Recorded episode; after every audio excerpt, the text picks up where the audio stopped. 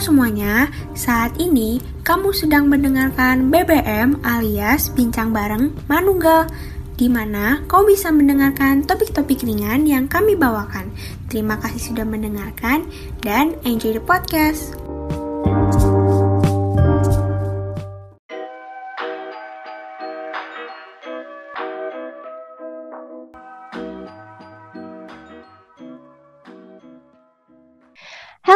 Welcome to BBM Bincang Bareng Manunggal. Long time no catch up nih Sobat Manunggal. Apa kabarnya nih? Semoga sehat dan kece selalu ya. Nah, di sini ada aku Lili yang akan menemani kalian di episode 8 ini. Nah, kali ini sesuai dengan judulnya nih, pasti Sobat Manunggal udah baca juga kan judulnya. Nah, kita bakal ngomongin tentang launching terbaru tabloid LPM Manunggal tahun 2021. Yeay, keren banget kan? Nah, by the way, di sini aku nggak sendirian, tapi aku bersama Mbak Vidya selaku wakil pemimpin redaksi. Halo Mbak Vidya. Halo Vivi. Oke, halo Mbak Vidya dan nggak hanya Mbak Vidya nih, aku juga ditemenin juga sama Mas Fidel selaku redaktur pelaksana tabloid. Halo Mas Fidel. Halo Lili. Halo Mas Fidel. Oke, nah uh, mungkin kita langsung aja nih, mungkin juga pada penasaran, kita langsung aja ngebedah apa aja sih yang disajiin dalam tabloid Manungga edisi tahun 2021. Apalagi dengar-dengar nih topik yang dibawakan itu isu-isu yang hot dan penuh drama banget ya di kalangan kampus, yaitu pemira atau pemilihan umum raya yang tentunya udah nggak asing lagi nih di kalangan mahasiswa. Nah, kita mau denger nih kenapa tabloid tahun ini itu mengangkat tema besar tentang pemira. Oke, baik. Untuk tema utama tabloid tahun itu sebetulnya ada dua ya, yaitu ada tentang pemira tadi benar dan juga ormawa. Nah, kenapa sih kita mengangkat tema ini? Karena di sebelum-sebelumnya atau mungkin pemantiknya ya, pemantiknya itu ketika tahun 2020 kemarin itu terjadi suatu peristiwa ya, mungkin kita semua tahu peristiwanya apa. Ya undip ya di dalam pemira dan aku pun berpikiran mengapa sih peristiwa ini bisa terjadi? Enggak aku telusuri dan ternyata itu berkepanjangan. Di mana kita itu ditarik hingga tahun 2014 yang menjadi asal mula terjadinya perubahan dari uh, BEM BEM yang dulunya berbentuk keluarga mahasiswa menjadi BEM Undip seperti sekarang. Dan perbedaannya cukup besar ketika itu sehingga kita pun memilih untuk oh kita bahas ini aja ditambahin dengan pemira karena ternyata ada garis merahnya tersendiri begitu jadi Oke, menarik banget nih bahasannya Mas Fidel. Nah, um, selanjutnya nih, selain membahas mengenai pesta demokrasi kampus, tabloid Manunggal edisi kali ini itu membahas atau menampilkan artikel apa aja sih yang patut pembaca dan sobat Manunggal tentunya nantikan? Selain pesta demokrasi kampus, di tabloid ini juga diselingi dengan berbagai artikel-artikel yang menarik ya. Misalkan artikel sosok mahasiswa yang membahas tentang Jamie Macita. Ya, mungkin teman-teman di sini pasti tidak asing dengan nama itu ya. Bagaimana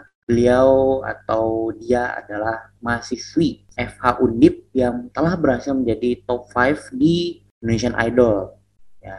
Dan terdapat berbagai kisah-kisah menarik dan inspiratif bagaimana ia dari seseorang yang punya hobi menyanyi hingga menjadi Indonesian Idol. Sementara ada pula artikel-artikel uh, opini yang ditulis oleh dosen dan juga mahasiswa di mana masing-masing membahas sesuatu yang tidak jauh dari demokrasi dan isu-isu yang hot. Contohnya artikel dosen yang membahas mengenai peristiwa di Myanmar berapa bulan yang lalu, serta artikel mahasiswa yang kebetulan narasumbernya merupakan anggota Senat yang memberikan pandangan tentang demokrasi serta pemerah. Jika kalian merasa bosan dengan oh, pemirsa dan sebagainya, kalian juga bisa melihat resensi terdapat resensi film dan juga resensi musik di mana di resensi film akan dibahas mengenai film horor judul uh, Girl of Nowhere ya sementara di resensi musik akan dibahas mengenai film musik usik ya. Musik yang saat itu menjadi kalangan tren di anak kalangan anak muda ya. Selain tiga rubrik tadi ada pula rubrik-rubrik seperti konsultasi, surat pembaca yang di mana mahasiswa menyampaikan keluh kesahnya mengenai kehidupan mereka masing-masing, entah itu keluh kesah tentang kampus atau tentang misalkan permasalahan dalam kehidupan dan sebagainya. Itu. Jadi.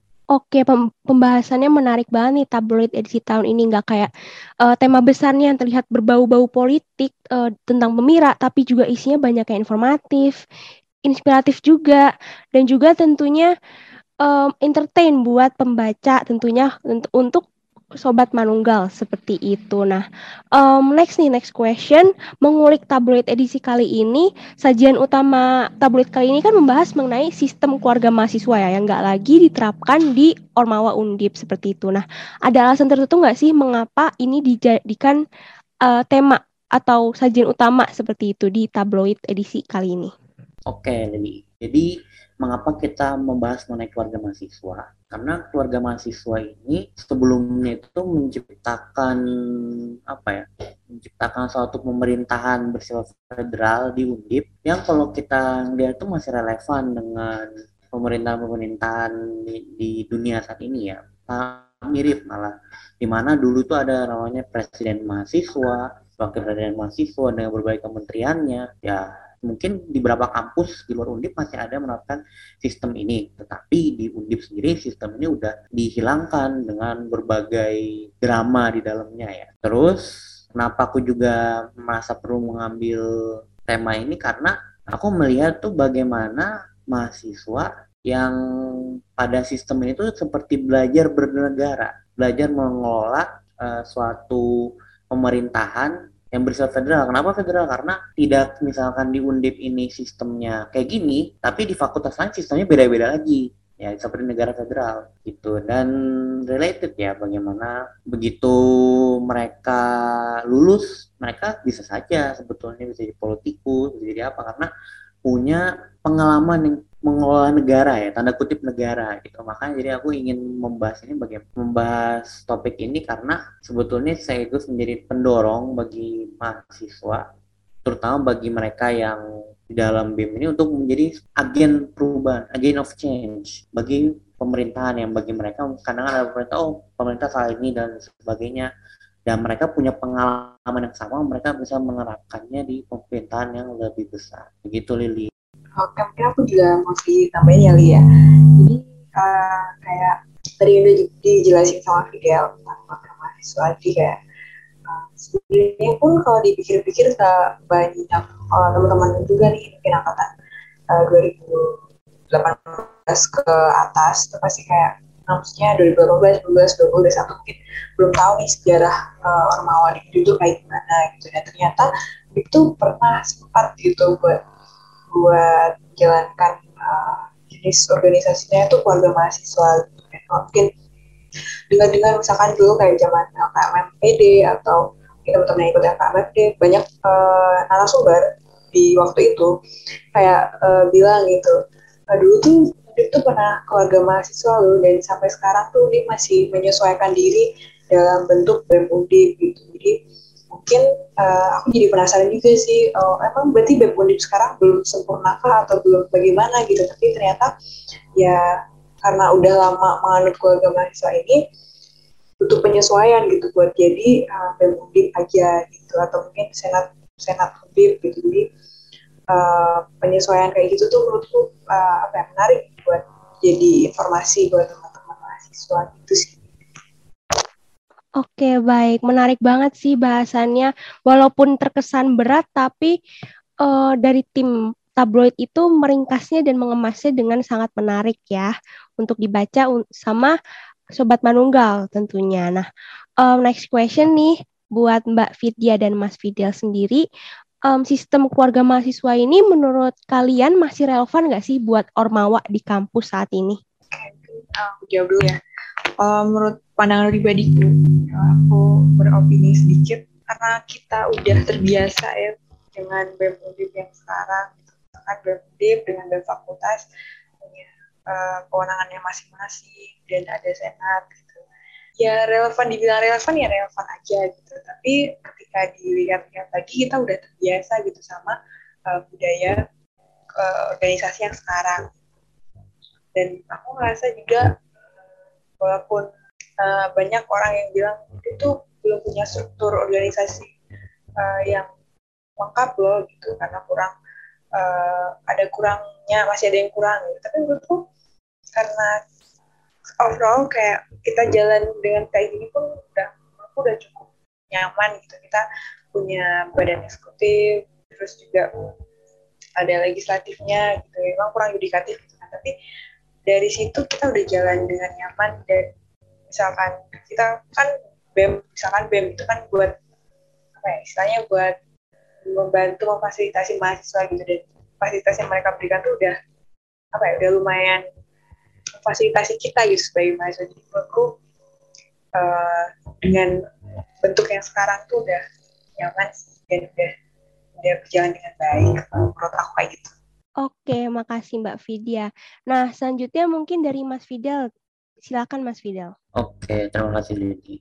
Kalau menurutku sendiri, uh, aku sepenuhnya setuju sama Mbak Vidya bahwa emang saat ini BEM atau Ormawa itu sudah berjalan cukup baik ya timbang sebelumnya meskipun memang selama keberjalanan aku mencari informasi mengenai uh, sistem ini dan juga pendapat-pendapat dari narasumber itu emang mengatakan bahwa sistem sekarang itu sebenarnya bukan sistem yang sempurna.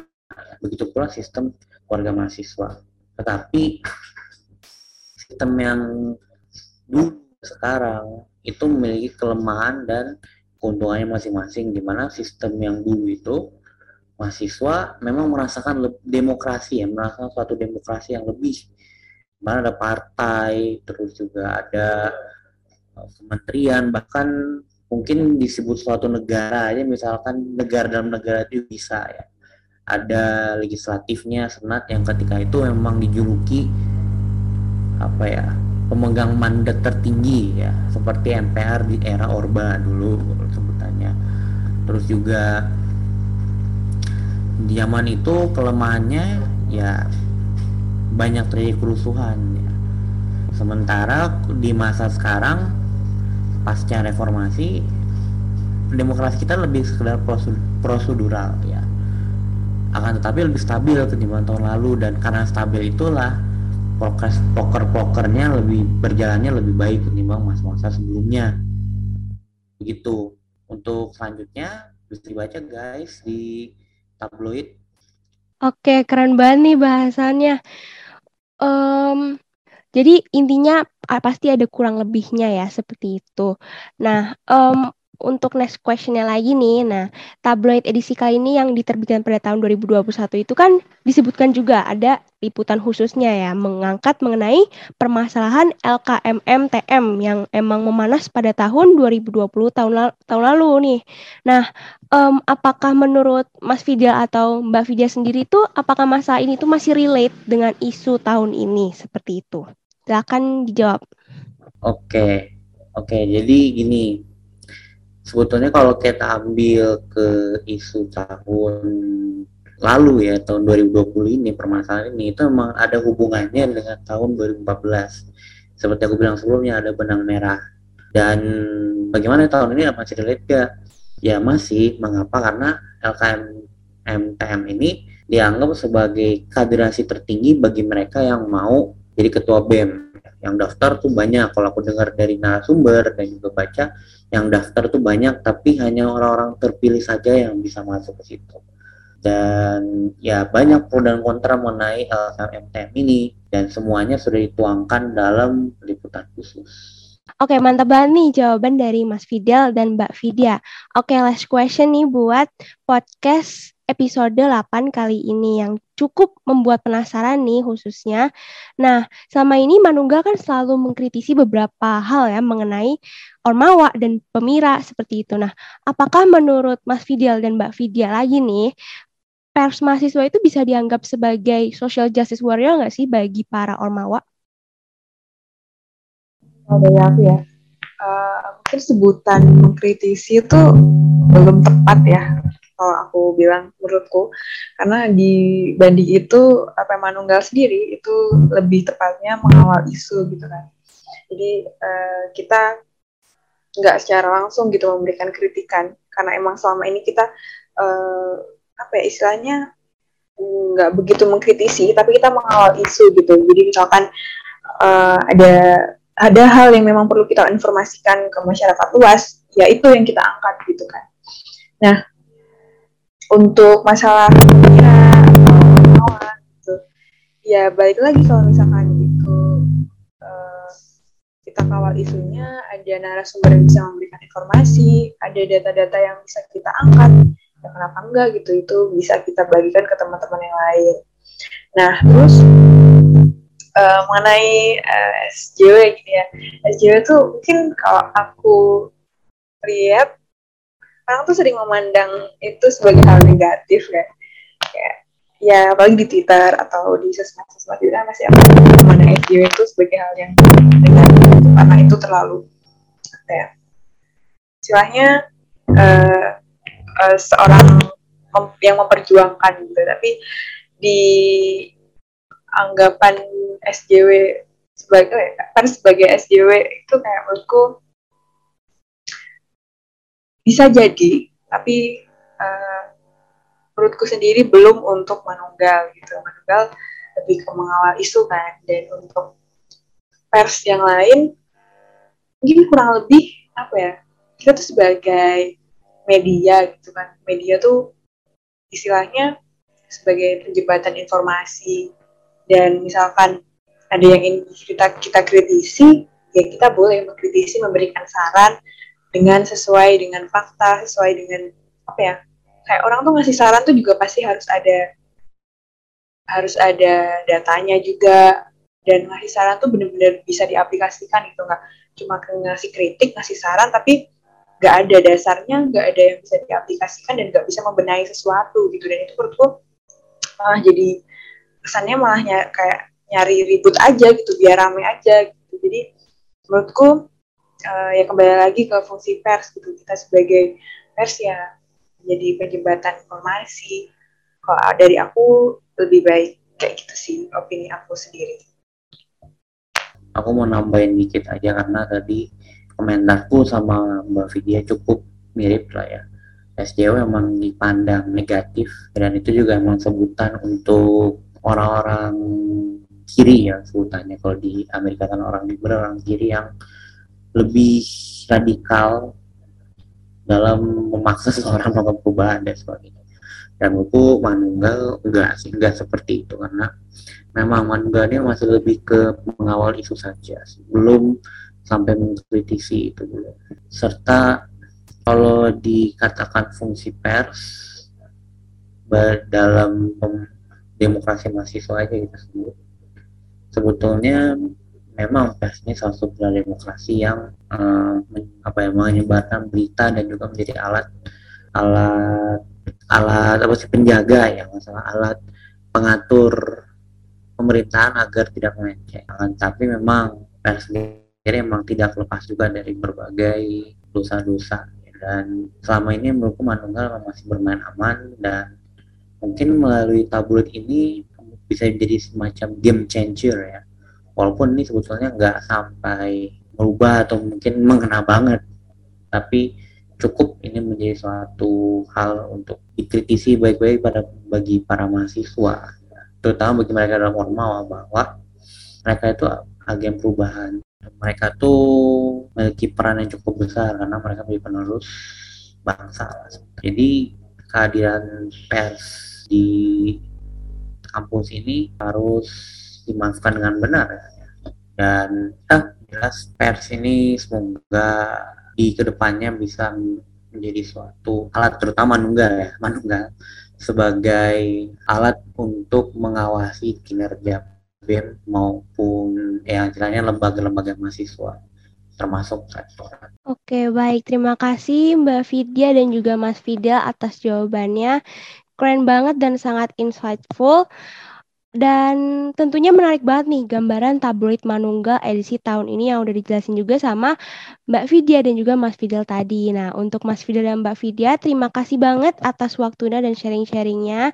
Nah, jangan lupa nih buat Sobat Manunggal yang mau mengakses tabloid edisi tahun 2021 lebih lengkapnya, bisa langsung ke website LPM Manunggal atau cek langsung sosial media LPM Manunggal ya. Nah, buat Sobat Manunggal, sekian episode kali ini. Jangan lupa buat selalu dengerin podcast BBM Bincang Bareng Manunggal di episode selanjutnya. Makasih, selamat berlibur Natal dan Tahun Baru. See you!